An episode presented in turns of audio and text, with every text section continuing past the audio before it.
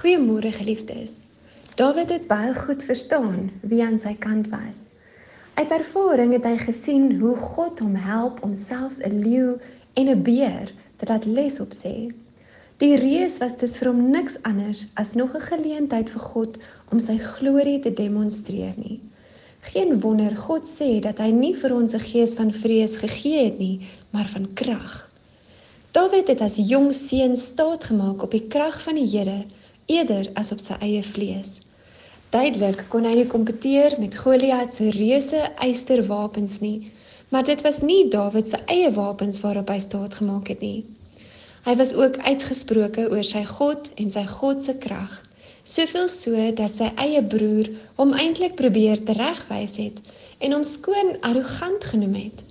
Maar die verskil was dat Dawid nie op sy eie krag nie, maar op die krag van sy God geroem het en God het hom nie in die steek gelaat nie.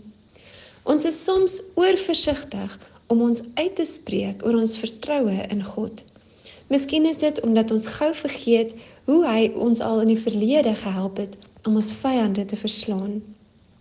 Maar as jy weet in wie se diens jy staan, hoef jy vir geen vyand te koes of bang te wees nie. Dawid het verstaan dat die Allerhoogste God aan sy kant is, net soos aan jou. Ons lees dan ook in Romeine dat as God vir jou is, wie kan teen jou wees?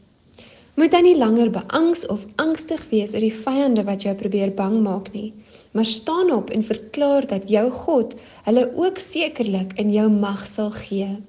Weet dat God vir jou is en wanneer jy op sy krag staat maak, hy sekerlik vir jou die oorwinning sal gee.